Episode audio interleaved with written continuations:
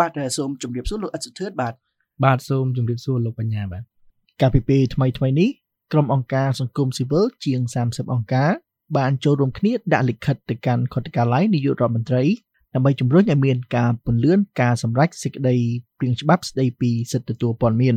ដូច្នេះសំណួរដំបូងគឺចង់ដឹងថាតើលោកយល់ឃើញយ៉ាងណាដែរមកទល់ពេលនេះពាក់ព័ន្ធនឹងដំណើរការឆ្ពោះទៅរកការអនុម័តសេចក្តីព្រៀងច្បាប់ស្តីពីសិទ្ធិទទួលបានព័ត៌មាន ក្រោយពីយើងឃើញថាមានការអូសបន្លាយពេកជិត2ឆ្នាំកន្លងមកនេះហើយស្របពេលដូចគ្នានេះដែរក៏សូមឲ្យលោកបញ្ជាក់សារជាថ្មីម្ដងទៀតអំពីសារៈសំខាន់នៃច្បាប់ស្តីពីសិទ្ធិទទួលបានព័ត៌មានចំពោះពលរដ្ឋទូទៅនិងវិស័យសារព័ត៌មាននៅកម្ពុជាបាទបាទជាដំបូងខ្ញុំសូមជម្រាបសួរប្រិយមិត្តរបស់ VOA បាទយើងឃើញថាសេចក្តីព្រៀងច្បាប់ស្តីពី សិទ្ធិទទួលព័ត៌មាននេះមិនអូសអូសបន្លាយពេលរយៈពេលជាង10ឆ្នាំទៅហើយដែលចំពោះដំណើរការដំបូងពីការតាក់តែងនេះហើយឈានមកដល់ឆ្នាំ2020យើងឃើញថាមានចំណុចវិជ្ជមានក្រោយពីសម្ដេចនាយករដ្ឋមន្ត្រីគាត់បានបញ្ជាទៅក្រសួងពាក់ព័ន្ធ ជាពិសេសគឺក្រសួងសម័យគឺក្រសួងព័ត៌មានហ្នឹងដើម្បីឲ្យពន្លឿនចេញច្បាប់នឹងឲ្យបានឆាប់គឺនៅក្នុងឆ្នាំ2020ហ្នឹងក៏ប៉ុន្តែជាអកុសលដោយសារតែបញ្ហាជំងឺ Covid-19 រដ្ឋាភិបាលក៏ដាក់អង្គថាដោយសារគាត់មានបញ្ហាអន្តរភាពជាច្រើនផ្សេងទៀតអញ្ចឹងដំណើរការនៃការអនុម័តច្បាប់នេះត្រូវបានពន្យាពេលក៏ប៉ុន្តែមកដល់ឆ្នាំ2022នេះ យើងឃើញថាស្ថានភាពជំងឺ Covid-19 ហ្នឹងគឺហាក់ដូចជាស្ថិតនៅក្នុងស្ថានភាពដែលអាចគ្រប់គ្រងបាននេះគឺការអះអាងរបស់រដ្ឋាភិបាលអញ្ចឹងហើយទៅបាននាំឲ្យបណ្ដាអង្គការសង្គមស៊ីវិលរួមគ្នាក្នុងការដាក់លិខិតស្នើទៅនាយករដ្ឋមន្ត្រីដើម្បីឲ្យសម្ដេចអន្តរាគមជួយ ជំរុញឲ្យពន្លឿនការតាក់តែងសេចក្តីព្រៀងច្បាប់នេះឲ្យបានឆាប់បានអញ្ចឹងយើងតាក់ទងនឹងការពន្យាមកដល់ពេលនេះយើងហាក់ដូចជាមើលទៅមិនមិនច្បាស់ដោយសារតែកន្លងមកមុនឈានដល់ការស្វែងរកអន្តរាគមន៍ពីនាយករដ្ឋមន្ត្រីយើងក៏ធ្លាប់បានព្យាយាមធ្វើការជាមួយនឹងក្រសួងសាមីគឺក្រសួងសំខាន់សំខាន់ពីរហ្នឹងគឺក្រសួងពលរដ្ឋហើយនិងក្រសួងយុទ្ធភ័ព ដោយសារតែខាងក្រសួងពលរដ្ឋគាត់បានអះអាងថាគាត់បានបញ្ចប់ការតាក់តែងហើយហើយគាត់រុញទៅក្រសួងយុទ្ធភ័ពដើម្បីត្រួតពិនិត្យត្រង់លក្ខខណ្ឌទោសទណ្ឌអីហ្នឹងបាទហើយកន្លងមកទៀតក្រសួងយុទ្ធភ័ពគាត់បានអះអាងថាគាត់បានបញ្ចប់នីតិវិធីរបស់ខ្លួនហើយគាត់បានរុញពលរដ្ឋសេចក្តីព្រាងច្បាប់នេះទៅក្រសួងពលរដ្ឋវិញក៏ប៉ុន្តែខាងក្រសួងពលរដ្ឋគាត់ធ្លាប់លើកឡើងថាគាត់មិនតន់ទទួលបានជាលិខិតផ្លូវការពីខាងក្រសួងយុទ្ធភ័ពថាគាត់បានត្រួតពិនិត្យអីអញ្ចឹងវាហាក់ដូចជាមានការរុញទៅរុញមក ប៉ុន្តែគ្រប់ក្រសួងទាំងពីរហ្នឹងគឺគាត់បានអានថាគាត់បានបញ្ចប់ដំណើរការរបស់ខ្លួនរួចហើយប៉ុន្តែច្បាប់ហ្នឹងមិនតន់ត្រូវបានរុញទៅទីស្តីការគណៈរដ្ឋមន្ត្រីនេះគឺអ្វីដែលយើងបានដឹងបាទពាក់ព័ន្ធជាមួយនឹងសារៈសំខាន់នៃច្បាប់ស្តីពីសិទ្ធិទទួលបានព័ត៌មាននេះយើងឃើញថាសិទ្ធិទទួលព័ត៌មានគឺជាសិទ្ធិមូលដ្ឋាន របស់ប្រជាពលរដ្ឋដែលត្រូវបានធានាអះអាងដោយរដ្ឋធម្មនុញ្ញនៃប្រជាជាតិកម្ពុជាអញ្ចឹងហើយគឺដំបូងឡើយគឺវាជាសិទ្ធិមូលដ្ឋានអញ្ចឹងដើម្បីឲ្យពលរដ្ឋអាចអនុវត្តសិទ្ធិមូលដ្ឋាននឹងបានពេញលេញគឺយើងត្រូវមានច្បាប់មួយដើម្បីធានាអញ្ចឹងសិទ្ធិទទួលបានព័ត៌មាននេះគឺជាច្បាប់មួយដ៏សំខាន់ដើម្បីធានាថាពលរដ្ឋយើងអាចប្រើប្រាស់សិទ្ធិរបស់គាត់តែហេតុអីបានការទទួលបានព័ត៌មាននេះមានសារៈសំខាន់យើងដឹងហើយថានៅក្នុងសង្គមប្រជាធិបតេយ្យគឺពលរដ្ឋត្រូវបានលើកទឹកចិត្តគឺត្រូវការត្រូវបានផ្ដល់អំណាច ហើយជាពិសេសគឺចូលរួមតាមដានការអនុវត្តរបស់ក្រសួងស្ថាប័នរដ្ឋបាទអញ្ចឹងនៅពេលដែលគាត់មានសិទ្ធិអាចទទួលព័ត៌មានអញ្ចឹងគាត់មានសិទ្ធិក្នុងការស្វែងរកព័ត៌មានសាធារណៈពីស្ថាប័នរដ្ឋពាក់ព័ន្ធផ្សេងផ្សេងដើម្បីឲ្យគាត់អាចចូលរួមតាមដានការអនុវត្តក៏ដូចជាប្រសិទ្ធភាពនៃការផ្ដល់សេវាសាធារណៈទៅប្រជាពលរដ្ឋគឺពួកគាត់ខ្លួនឯងនឹងឯងបាទអញ្ចឹងនេះគឺជាសារៈសំខាន់មួយដ៏ដែលយើងមិនអាចមើលរំលងបាន ហើយសម្រាប់វិស័យព័ត៌មាននៅកម្ពុជាវិញយើងដឹងហើយថាអ្នកសារព័ត៌មានគឺគាត់ពឹងផ្អែកខ្លាំងទៅលើព័ត៌មានផ្សេងផ្សេងដែលយើងអាចថាតាមរយៈការសម្ភាសមន្ត្រីផ្សេងផ្សេងបុគ្គលផ្សេងផ្សេងឬក៏សាធារណជនក៏ប៉ុន្តែប្រភពព័ត៌មានដ៏សំខាន់មួយទៀតនោះគឺឯកសារឯកសារនោះគឺជាពិសេសគឺឯកសាររបស់រដ្ឋឬក៏ឯកសារសាធារណៈនេះឯងដែលជាពិសេសនៅក្នុងបរិបទសង្គមដែលមានការរីកចម្រើនផ្នែកបច្ចេកវិទ្យាឬបណ្ដាញសង្គមនេះ យើងឃើញថាការផ្ដល់ជាព័ត៌មានបែបបឋមនឹងហាក់ដូចជាលែងសូវមានប្រសិទ្ធភាពឬក៏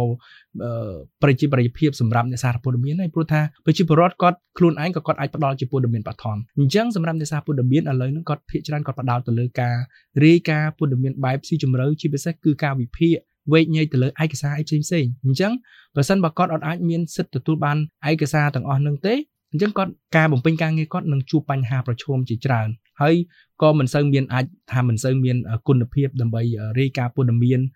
ដែលមានគុណភាពទៅសាធារណជនផងដែរបាទ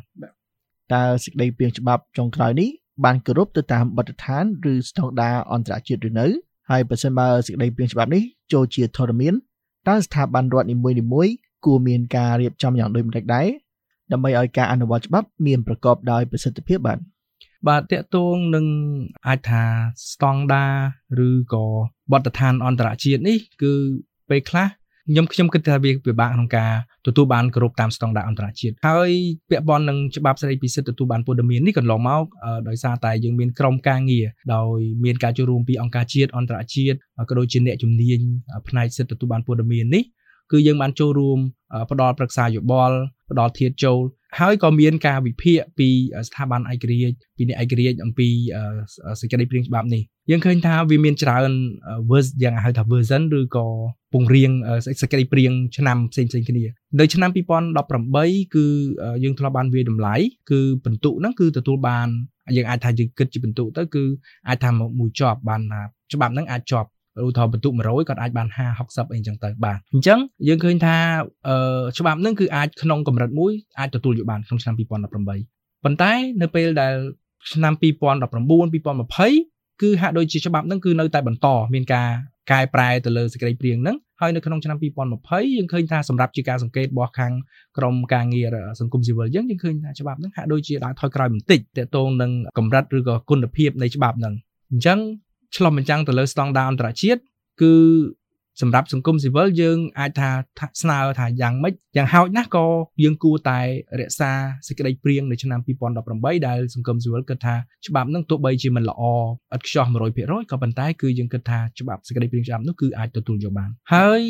យើងឧទាហរណ៍ថាប្រសិនបើច្បាប់នេះទៅបានអនុវត្តហើយចូលជាធរមាន អញ្ចឹងសួរថាតើស្ថាប័នរដ្ឋនីមួយៗគួរមានការរៀបចំយ៉ាងដូចម្តេចដើម្បីឲ្យការអនុវត្តច្បាប់នេះមានប្រសិទ្ធភាពបាទចំណុចសំខាន់បំផុតគឺដំបូងបំផុតនោះគឺរដ្ឋាភិបាលត្រូវធ្វើការផ្សព្វផ្សាយឲ្យបានទូលំទូលាយអំពីច្បាប់នេះទៅដល់មន្ត្រីទៅតាមស្ថាប័នរដ្ឋក៏ដូចជាដល់សាធារណជនបាទហើយដើម្បីឲ្យធានាថាការអនុវត្តច្បាប់នេះបាននៅពេលដែលគាត់បានយល់អំពីសារៈសំខាន់យល់អំពីខ្លឹមសារនៃច្បាប់នេះហើយគឺស្ថាប័នរដ្ឋនីមួយៗគាត់ត្រូវ មានរៀបចំមន្ត្រីដើម្បីធ្វើការលើរឿងហ្នឹងហើយមន្ត្រីទាំងអស់នោះទៀតសោតក៏គួរតែទទួលបានការបណ្ដុះបណ្ដាលសមត្ថភាពក្នុងការផ្ដល់ព័ត៌មានការផ្ដល់ព័ត៌មាននេះរៀបចំផ្ដល់សមត្ថភាពនឹងគឺមានន័យថាគាត់គួរមានចំណេះដឹងថាតើព័ត៌មានគាត់គួររៀបចំព័ត៌មានបែបណាដើម្បីផ្ដល់ទៅអ្នកស្នើសុំដើម្បីឲ្យគាត់ងាយស្រួលអានគេ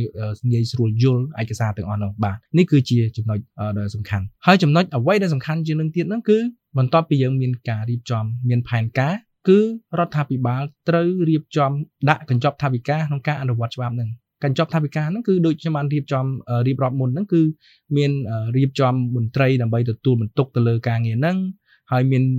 ថវិកាដើម្បីផ្ដល់វគ្គបណ្ដុះបណ្ដាលសមត្ថភាពដល់ពួកគាត់ដើម្បីឲ្យគាត់ធានាថាគាត់បានផ្ដល់សេវាឬក៏បំពេញទូនាទីហ្នឹងឲ្យបានត្រឹមត្រូវបាទហើយ សម្រាប់យន្តការបន្ថែមទៀតតើដើម្បីឲ្យការអនុវត្តច្បាប់នឹងប្រព្រឹត្តទៅដល់រលូនហ្នឹងគឺយើងឃើញថាក្រៅពីភាគីរដ្ឋាភិបាលខ្ញុំគិតថាមានភាគីសំខាន់ទូអង្គសំខាន់សំខាន់ពីរទៀតគឺប្រជាពលរដ្ឋហើយនិងអង្គការសង្គមស៊ីវិលសម្រាប់ប្រជាពលរដ្ឋយើងក៏ដឹងដឹងហើយថាច្បាប់នេះមានសារៈសំខាន់សម្រាប់ប្រជាពលរដ្ឋទូទៅសាធារណជនអញ្ចឹងដើម្បីធានាប្រសិទ្ធភាពអំពីការអនុវត្តច្បាប់នេះគឺបងប្អូនប្រជាពលរដ្ឋគឺគាត់ត្រូវចូលរួមតាមដាន អនុវត្តច្បាប់ទីមួយគឺគាត់ចូលរួមអនុវត្តច្បាប់នេះតាមរយៈស្នើសុំមានន័យថាគាត់តាមរយៈការចូលរួមរបស់គាត់ស្នើសុំព័ត៌មានគាត់ខ្វាយខ្វល់អំពីដំណើរការប្រព្រឹត្តទៅរបស់ស្ថាប័នរដ្ឋមិនមិនត្រឹមតែស្ថាប័នថ្នាក់ជាតិទេគឺត្រឹមថ្នាក់មូលដ្ឋានក៏គាត់គួរតែ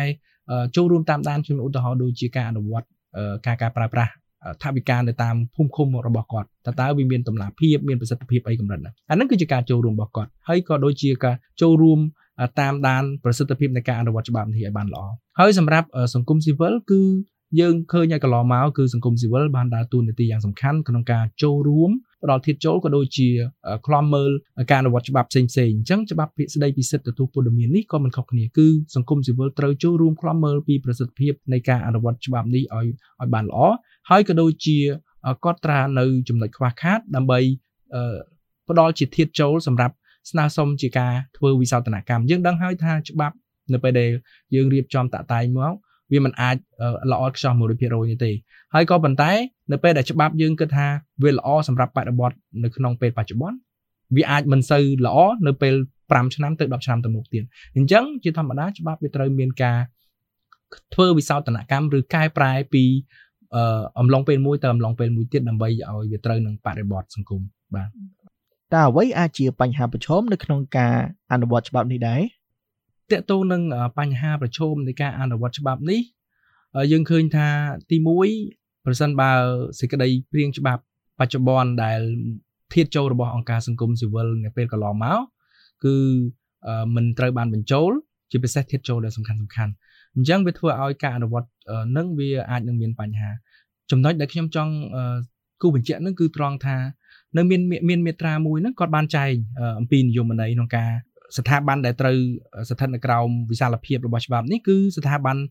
សាធារណៈដែលបង្កើតឡើងដោយច្បាប់បាទអញ្ចឹងក្នុងហ្នឹងគឺមានន័យថាគឺថានៅក្នុងមាត្រាទី3នៃសេចក្តីព្រាងច្បាប់នោះគឺចែងថាច្បាប់នេះអនុវត្តចំពោះ អង្គភាពរដ្ឋបាលថ្នាក់ជាតិនិងថ្នាក់ក្រោមជាតិនៃប្រជាណាចក្រកម្ពុជាហើយចំណែកឯមាត្រាទី4គឺបានកំណត់ថាស្ថាប័នស្ថាប័នសាធារណៈគឺជាក្រសួងស្ថាប័នឬអង្គភាពផ្សេងទៀតដែលបំពេញមុខងារសាធារណៈរួមមានរដ្ឋបាលថ្នាក់ជាតិនិងរដ្ឋបាលថ្នាក់ក្រោមជាតិដែលបង្កើតឡើងដោយច្បាប់ឬបទបញ្ញត្តិផ្សេងៗអញ្ចឹងយើងឃើញថាប្រសិនបើយើងចែងមករបៀបនេះគឺវាមិនអាច គ្របដណ្ដប់ទៅលើស្ថាប័នផ្សេងទៀតដែលយើងគិតថាគួរស្ថិតនៅក្រោមវិសាលភាពរបស់ច្បាប់នេះទៀតគឺមានដូចជាស្ថាប័នតុលាការស្ថាប័ននីតិបញ្ញត្តិព្រមទាំងស្ថាប័នអង្គភាពពិសេសពិសេសផ្សេងទៀតដែលប្រើប្រាស់ដែលថវិកាសាធារណៈអញ្ចឹងប្រសិនបើពួកគាត់នឹងមិនស្ថិតនៅក្រោមវិសាលភាពអញ្ចឹងនៅពេលដែលប្រជាពលរដ្ឋឬក៏អ្នកសារព័ត៌មានគាត់ស្នើសុំព័ត៌មានទៅស្ថាប័នទាំងអស់នោះប្រហែលជាយើងអាចទទួលបានព័ត៌មាននេះ អញ្ចឹងការអនុវត្តនឹងវាជួបបញ្ហាហ្នឹងមួយបាទហើយនៅពេលដែលអឺធៀបចូលដ៏សំខាន់មួយទៀតគឺការចែងអំពីពាក្យថាព័ត៌មានសម្ងាត់នៅក្នុងនៅត្រង់មេត្រាទី20គឺយើងបានចែងលម្អិតព្រោះថាខាងអង្គការសង្គមស៊ីវិលយើងបានផ្ដល់ជាធៀបចូលផ្ដល់ជានិយមន័យយើងគួរតែផ្ដល់ជានិយមន័យថាតើអ្វីទៅជាសហព័ត៌មានសម្ងាត់ក៏ប៉ុន្តែនៅក្នុងសេចក្តីព្រៀងចុងក្រោយដែលយើងទទួលបានគឺនៅក្នុងឆ្នាំ2020ហ្នឹងគឺយើងឃើញថា គេមានបន្ថែមចំណុចមួយទៀតគឺចំណុចទី7ចំណុចទី7នៃមាត្រាទី20ហ្នឹងគឺគេបន្ថែមថាព័ត៌មានសម្ងាត់ដតីទៀតដែលស្ថិតនៅក្នុងបទបញ្ញត្តិហាមឃាត់អញ្ចឹងនៅពេលដែលយើងបន្ថែមពាក្យបែបទូលំទូលាយនេះគឺវាអាចនឹងមានការជជែកគ្នាវែងញែកនៅពេលក្រោយទៀតដែរថាតើព័ត៌មានណាដែលស្ថិតនៅក្នុងបទបញ្ញត្តិហាមឃាត់ព័ត៌មានសម្ងាត់ណាដែលហើយអញ្ចឹងនៅពេលដែលយើងមានបន្ថែមចំណុចដែលនិយាយថាព័ត៌មានសម្ងាត់ដតីទៀតដែលស្ថិតនៅក្នុងបទបញ្ញត្តិហាមឃាត់ហ្នឹងខ្ញុំគិតថាវាអាចនឹងបង្កទៅជាបញ្ហាស្មុគស្មាញនៅពេលខាងមុខអញ្ចឹង ដើម្បីឲ្យធានាថាការអនុវត្តមិនសូវមានបញ្ហាមានឧបសគ្គគឺយើងខ្ញុំជាជាគំនិតខ្ញុំជាសំណូមពរពីខាងអង្គការសង្គមស៊ីវិលរដ្ឋាភិបាលគួរព្យាយាមបញ្ចូល